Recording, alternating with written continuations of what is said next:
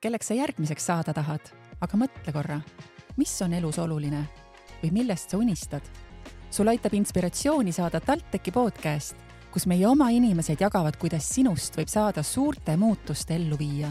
TalTechi vilistlasena on elu pööraselt huvitav, sest alati vajab keegi just sind oma tiimi tööle.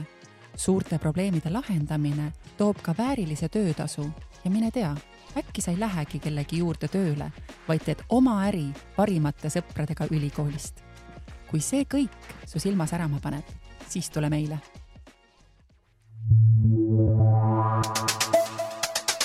Tallinna Tehnikaülikool. kas teadsid, et rohepöörde läbiviimiseks on vaja teada füüsika põhitõdesid? Tahaksid rakendada loovust ja loogikat ning teha katseid, millega tuvastada kitsaskohti ja leida sobivaid lahendusi ning seletusi. või omandada valdkondade ülese hariduse, mis annab sulle analüütilise mõtlemise ja probleemide lahendamise oskuse, mida hindavad kõik tööandjad.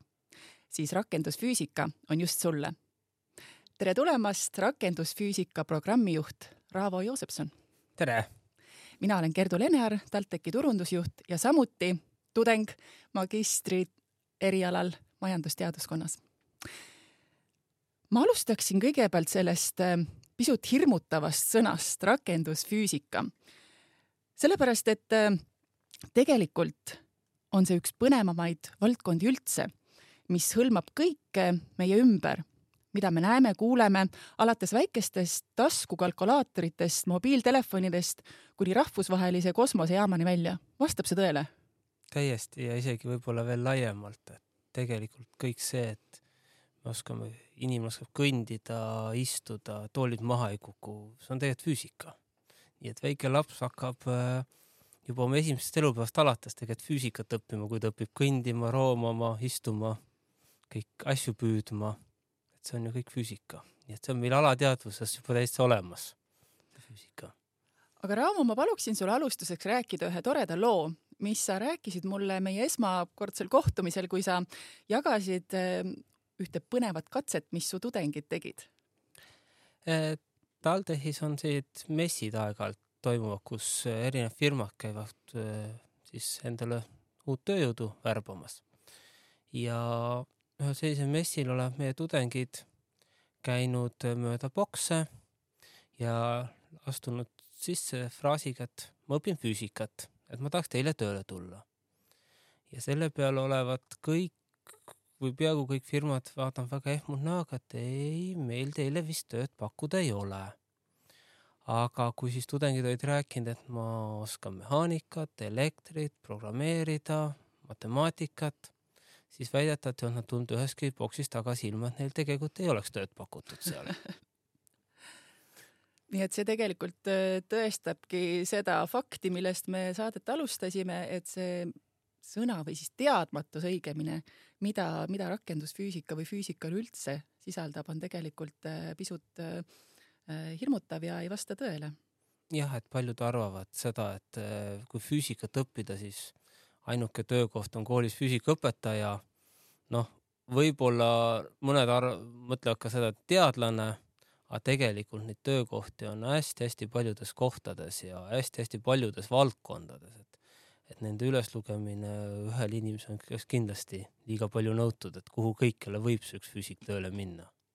Ja ma lugesin selle kohta, et siin on sellised põnevad äh, valdkonnad esile toodud, et äh, füüsikaga võib seostuda nii pangandus, IT, meditsiin, kuid lausa isegi filmitööstus ja isegi Hollywoodis. tahad sa seda kommenteerida, kuidas võiks olla füüsika seotud filmindus, filmitööstusega Hollywoodis näiteks? Äh, selle läbi valgustuse, et üks meie vilistlane on startup'i teinud, mille, mis toodab filmidele valgustust ja, ja nemad on nüüd jõudnud omadega Hollywoodi välja. väga põnev. aga Raavo, ma olen kuulanud eh, sinust eh, erinevaid podcast'e ja sa oled tegelikult eh, rakendusfüüsikast juba päris palju rääkinud, aga millegipärast ei jäänud mul seal väga kõrva sinu lugu, et ma tahaksin natukene ka sinu lugu kuulda, et kuidas üldse sina jõudsid füüsikani ja kuidas oled sina öö, otsustanud oma teadmisi siin TalTechis nüüd edasi anda? no see on lihtsalt, elu on niimoodi läinud, et sündinud olen ma Tallinnas ja kogu oma nooruspõlve Tallinnas veetnud. siis läksin Tartusse õppima. valikus olid reaalteadused põhiliselt mul ja, ja siis äh, äh, matemaatika ja keemia nagunii ei tõmba kui füüsika, nii et noh, selle peale sai siis füüsika valitud äh,. siis sai kümme aastat Tartus oldud ja siis oli selline mõte, et tuleks Tallinna tagasi ja siis juhtus TalTech ette, kuhu ma sattusin uuesti tagasi. Nii-öelda või noh, et, et tundus selline huvitav pakkumine oli too, tol hetkel siit võimalik teha, et, et hakata päiksepatareisid siin uurima ja, ja siis tuli kaasa õppe, nii teadustööle lisaks veel õppetöö ja hiljem programmi juhtimine ja nii ta on lihtsalt sujuvalt läinud. mida sa enda töö juures kõige rohkem naudid ja kaua sa oled nüüd TalTechis olnud? Eh, TalTechis ma olen olnud üle kümne aasta siin. Eh, kõige rohkem mina naudin seda vaheldust, et selles suhtes äh, ei tahaks olla ainult teadlane või ainult õppejõud või ainult kusagil kontoris, et, et täpselt niimoodi on võimalik pidevalt vahelduda, et kuna mul on mõnes mõttes nagu kolm ametit, üks on teaduse pool, teine on õppe pool ja kolmas on programmijuhtimise pool, siis, siis vastavalt see, mis tundub hetkel põnevam või milles või kui eelmisest ära tüüa, siis võtad järgmise ülesande ette, et, et ei lähe niimoodi rutiinseks, et kogu aeg ühte sama teeks, ei kujutaks seda küll ette. elu ei ole kunagi igav. ei ole, seda ka kindlasti ei ole. kunagi ei tea, milline üliõpilane või õppejõud järgmisena uksele koputab ja äh, aga rääkides nüüd siis äh, veel erinevatest valikutest, me siin äh, põgusalt nüüd puudutasime neid erinevaid valdkondi, aga, aga räägigi võib-olla siis, et sina oled nüüd teinud oma valiku ja, ja jäänud oma teadmisi edasi andma ülikoolis, aga, aga millised millised võimalused veel siis äh, ühele rakendusfüüsika lõpetanule arenevad, et kui sa nüüd natukene tood veel konkreetsemaid näiteid, et äh, milline siis see elu on äh, pärast lõpetamist? no väga palju sõltub inimesest endast ja tegelikult sellest, mida inimene tahab. et, et kuhu on noh, meie lõpetajad jõudnud, noh, siin oli sellest startup idest juttu, noh, päris mitmes startup'is on väga erinevate valdkondadega, startup ides nad on, tegutsevad. Äh, väga paljud on IT-sektoris tegutsevad, erinevaid asju teevad seal nii juhtivatel kohtadel kui ka mingeid äh, uusi lahendusi mõtlevad välja. Äh, mõned on ka kooli läinud, et ega siis see õpetajaamet ka täiesti mööda ei lähe meist, osad teevad teadust nii Eestis kui välismaal ja selles suhtes ma ütleks nii, et äh, see avab maailma täps- ja piiriks on enda fantaasia, et kes mida tahab, et siin on ka näiteks sportlasi olnud meil, kes on äh, spordi peal isegi oma lõputööd teinud. et kuidas siis üks oli treener, teine oli ise tipp, tippsportlane. et äh, kuidas siis inimesed liiguvad spordis, kus nad liiguvad liiga aeglaselt, kus liiga kiiresti siis on kunstide peale tehtud äh, lõputöid, kirjanduse peale, noh, see on siis juba andmeanalüüs, noh, panganduse andmeanalüüs, mm, meditsiinitehnikasse on päris palju, mitmed läinud, tundub huvitav neile. Ja, ja nad äh, äh, siis äh, ka mitte ainult ei mõtle välja, vaid ka ma kujutan ette, et tänasel hetkel päris mitmes kohas võib-olla need inimesed, kes haiglates seda tehnikat hooldavad on äh, meie lõpetajad, et ma tean, et sinna on tööle päris mitu läinud just selleks, et kui keegi kunagi haiglasse satub, loodame, et ei satu, siis see tehnika, mis teid elus hoiab, võib olla täie väga vabalt meie lõpetaja hooldatud. nii et selles suhtes piiriks on enda fantaasia, et mida iganes tahta teha ja üks, üks hea kolleeg, kes on ka kunagi siin õppinud, on öelnud, et see on ainuke üks väheseid erialasid, kus äh, saab oma hobi ja töö ühildada, et mis sulle meeldib teha, seda sa saad teha selle teadmistega.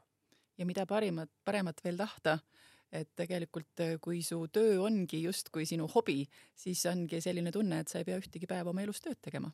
jah aga räägi natukene nendest tudengitest, kes sinu loenguruumides on, et, et milline siis võiks olla selline mm, rakendusfüüsika huviline, kes sa näed, et, et tõesti, et, et, et justkui see, see paneb tema silma särama, et, et millised sellised nagu, kui need noored praegu mõtlevad, et mis valdkonda, mida ma teeksin, ma ei tea, et mis on võib-olla mingid märksõnad, mida nad peaksid enda puhul praegu kontrollima, et ahah, kas see mind kõnetab, siis võib-olla ma peaksin rakendusfüüsikat lähemalt uurima. esimene võib-olla see, et, et füüsikat, matemaatikat ei tohi karta. Ütleme nii, et võib-olla ei ole kriitiline see, kui hea see üliõpilane koolis on, et noh, õpetajaid on erinevaid ja kõike, aga kui ta vähemalt ei karda seda.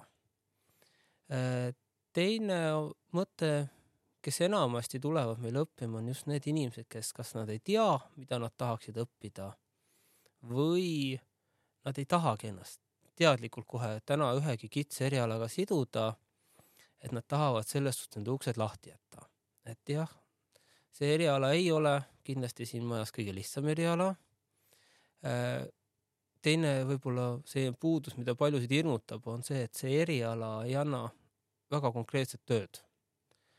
aga ta avab hästi palju võimalusi, ta annab hea baasi ja sealt edasi on väga lihtne siis juba õppida endale huvitavat valdkonda, ükskõik, on see siis arvutites, mehaanikas, elektris, ma ei tea, spordis, kus iganes, seda lihtsalt seda valdkonda juurde, sest kõik see matemaatika ja kõik see jääb ju noh, ma ei saa öelda, et ta täpselt identne on, aga need põhitõed jäävad kõik samaks ja sellega võib ükskõik kuhu minna, alates pangandusest kuni spordini välja või Hollywoodi või kuhu iganes aga oled sa rääkinud ka, kui ma just mõtlen, pean silmas ehm, esmakursuslasi sellepärast, et kui me praegu mõtlemegi äh, nende noorte peale, kes, kes on nüüd selle otsuse ees, et kõigepealt üldse, mis ülikool, siis edasi, mis, mis eriala, et äh, kindlasti see on üks selliseid stressirohkemaid aegasid ühe noore inimese elus et äh, oled sa rääkinud enda esmakursuslasega, et mis on, mis olid nii-öelda nende need sellised äh, põhiküsimused, millele nad võib-olla oleksid tahtnud rohkem vastust saada, et võib-olla sul on see võimalus nüüd siis seda, seda infot siin kohe jagada siis? no enamus noh, on leidnud internetis piisavalt materjali, et noh, sellist väga suuri küsimusi ei ole. noh, loomulikult aeg-ajalt äh, on ka minule tulnud küsimusi, et, äh, et mida täpselt teha saab. Just võib-olla see, et äh, kuhu kõikjale jõuab selle erialaga. et, et seesama, millest me siin rääkisime, et ta ei ole ainult õpetaja eriala mm. -hmm. ja ja ega nad on tulnud siia väga erinevate ootustega, et enamusele on ikkagi mingi asi füüsikast meeldinud, aga noh, kuna füüsika on meeletult suur valdkond tänapäeval juba, siis noh, siis teadmised võivad olla väga erinevates või huvid võivad väga erinevates valdkondades olla, alates kosmosest lõpetades mingi, mingi spetsiifilise mõni on ka võib-olla juba teadustööd proovinud kusagil teha oma praktikate raames mingi spetsiifilise teadustööga. et eh, ega meil väga palju neid tudengeid ei ole ja ausalt öeldes igalühel on see mõte erinev, et sellist ühtse mõtet, et vot mille pärast nad kõik siia tulevad, aga võib-olla siis väga laialt, et neid on ikkagi see füüsika natuke huvitanud ja ja nad ei ole tahtnud endale väga kitsalt siit kinni panna teed, et vot nüüd ma õpin seda ja nüüd ma saan selleks ja ja nüüd ma jäängi elu lõpuni selleks võib-olla et äh, aitab hoida siis võimalused avatud? aitab hoida avatud ja noh, ma siin kuulen järjest, et meie lõpetajad on väga edukad väga erinevates valdkondades, et kui üks firma või valdkond mingi põhjusel enam ei meeldi, siis, siis vahetatakse väga kiiresti valdkonda ja ollakse edukad järgmises, sest baas on olemas ja sealt pealt natuke lihtsalt teadmisi õppida, noh, see käib kähku. ja lõpetanute vastu on nõudlus suur on. iga aasta ma kuulen, et keegi küsib äh, siin TalTechis, et, et kas mõni rakendusfüüsika lõpetaja meile magistrantuuri tahaks tulla. Sellest on meil järgmine saade, nii et äh, soovitan kindlasti ka järgmist saadet kuulata. aga tudengitest rääkides kindlasti on üks väga oluline faktor ka tudengielu, oskad sa natukene ka seda kommenteerida, et äh, millised võimalused siin tudengielu valdkonnas avanevad, kas, kas siis erinevate projektide kaudu või üleüldse sa mainisid, et teil on selline võib-olla väiksem seltskond, et kas siis on selline hästi kokkuhoidev see teie, teie nii-öelda mm, punt või, või kuidas sa tudengielu oskad, oskad kommenteerida? no pro-, programmijuhina võib-olla tudengitega igapäevaselt kogu aeg koos ei istu ikkagi. aga, aga tudengid siis no üldiselt tundub, et nad on, hoiavad kokku. Nad suhtlevad omavahel siin, me oleme püüdnud ka enda poolt siin mõnede üritustega niimoodi, et, et nad ikkagi teaksid, kes need nooremad ja vanemad kolleegid neil on Äh, samuti noh, TalTechi tudengielu, meie tudengid on väga paljudes kohtades siin, foto, filmiklubi on TalTechis, koorid, ansamblid, tantsitakse.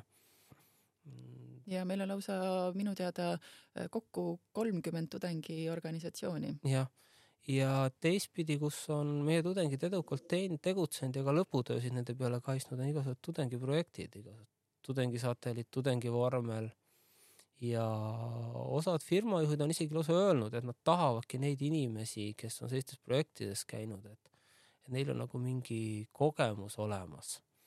et ses suhtes ja samuti äh, huvilised, noh, mitte võib-olla päris esimesel aastal, teisel aastal, et enamus laboreid, teaduslaboreid on hea meelega valmis võtma mingi üliõpilase enda juurde, kes siis vaikselt hakkab seda valdkonda õppima, nii et äh, siin jällegi mida tudeng ise tahab, et kas ta tahab siis võib-olla rohkem kultuuriga tegeleda, nende asjadega tegeleda või ta tahab siis juba varakult proovida, et kuidas on mõnda katseseadet näiteks õppida kasutama või siis ehitada satelliiti või vormelit, et äh, väga erinevates kohtades seal nad pääsevad.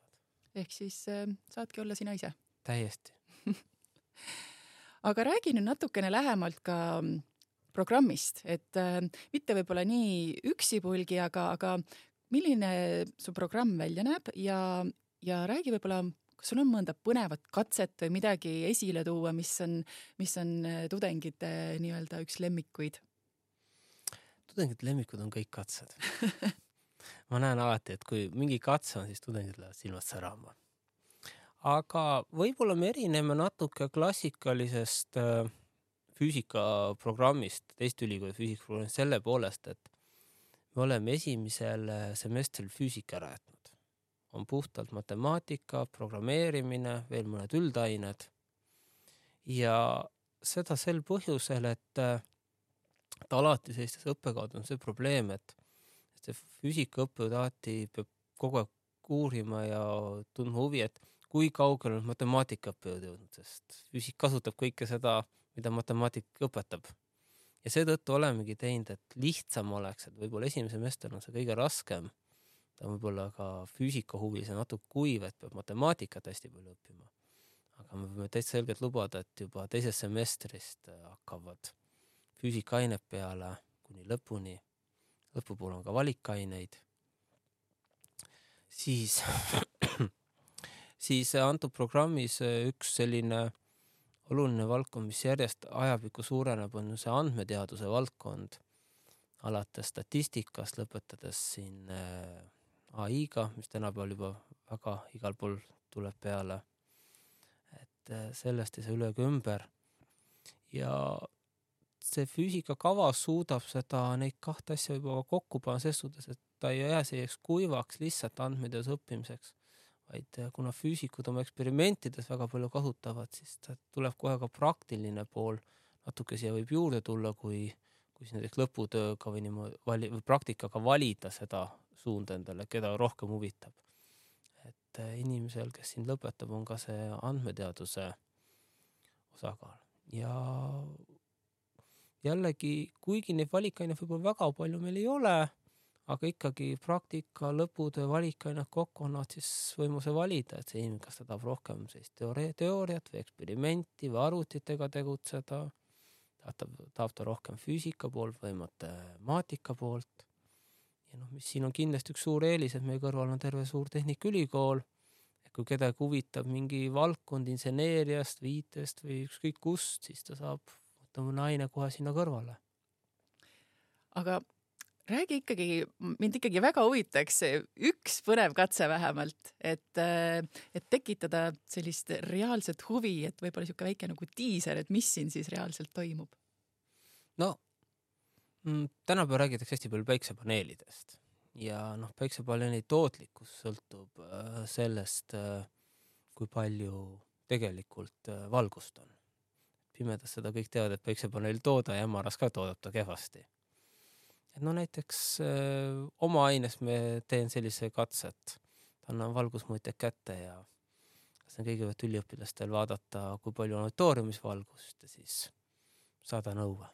ja üks selline hea pet-, petmise katse on see, et öö, kui hele, milline lamp on kaks korda heledam kui teine lamp, et kui inimese silm näeb logaritmiliselt, siis masin ütleb ühte numbrit, aga inimene arvaks hoopis teist numbrit.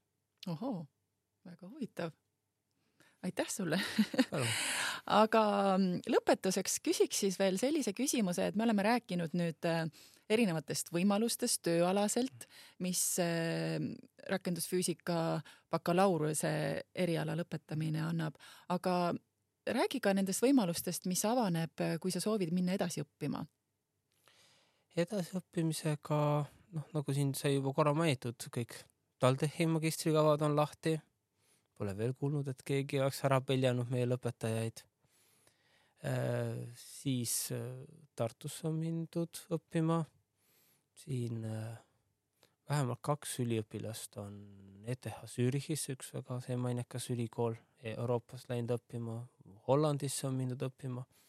nii et tegelikult selle haridusega no praktiliselt on kõikjale võimalik minna, et võib-olla meile ongi see probleem, puudus, et kõik, kõik on nõus vastu võtma et me, meile neid ei jää väga tihti väga palju just alles. aga miks sa soovitaksid eh, minna edasi õppima? Äh, elu tahes-tahtmata liigub vaikselt selles suunas, et äh, hakatakse seda magistrikraadi väärtustama. ja üks asi on see, et füüsika on niivõrd suur valdkond, et tahes-tahtmata kolme aastaga väga jõuab ainult baasi kätte saada, et äh, magistris saab siis juba detailsemalt äh, vaadata, mis huvi on. teine asi on see, et äh, kui inimene on ikkagi viis aastat suutnud õppida, siis see näitab midagi inimese iseloomu kohta. et äh, ka seda vaadata, hakatakse järjest rohkem tahtmata vaatama firmade poolt ja ta näitab ka midagi inimese selliste omaduste kohta, et kui palju ta on, suudab vastu võtta kui palju ta suudab erinevatest situatsioonidest, kuidas ta tegutseda suudab. et seetõttu seda magistratuuri järjest rohkem hakatakse tegelikult väärtustama meil. jaa, tõepoolest. aga meil tegelikult ongi, nagu sa tead, järgmine saade juba tulekul just eh, magistri eriala osas ja meie oma vilistlane eh, tuleb sellest lähemalt rääkima. nii et eh, suur aitäh sulle, Raavo et sa võtsid selle aja ja tulid, eh, jagasid oma kogemusi ja põnevat infot. aitäh! ja palju edu sulle! aitäh!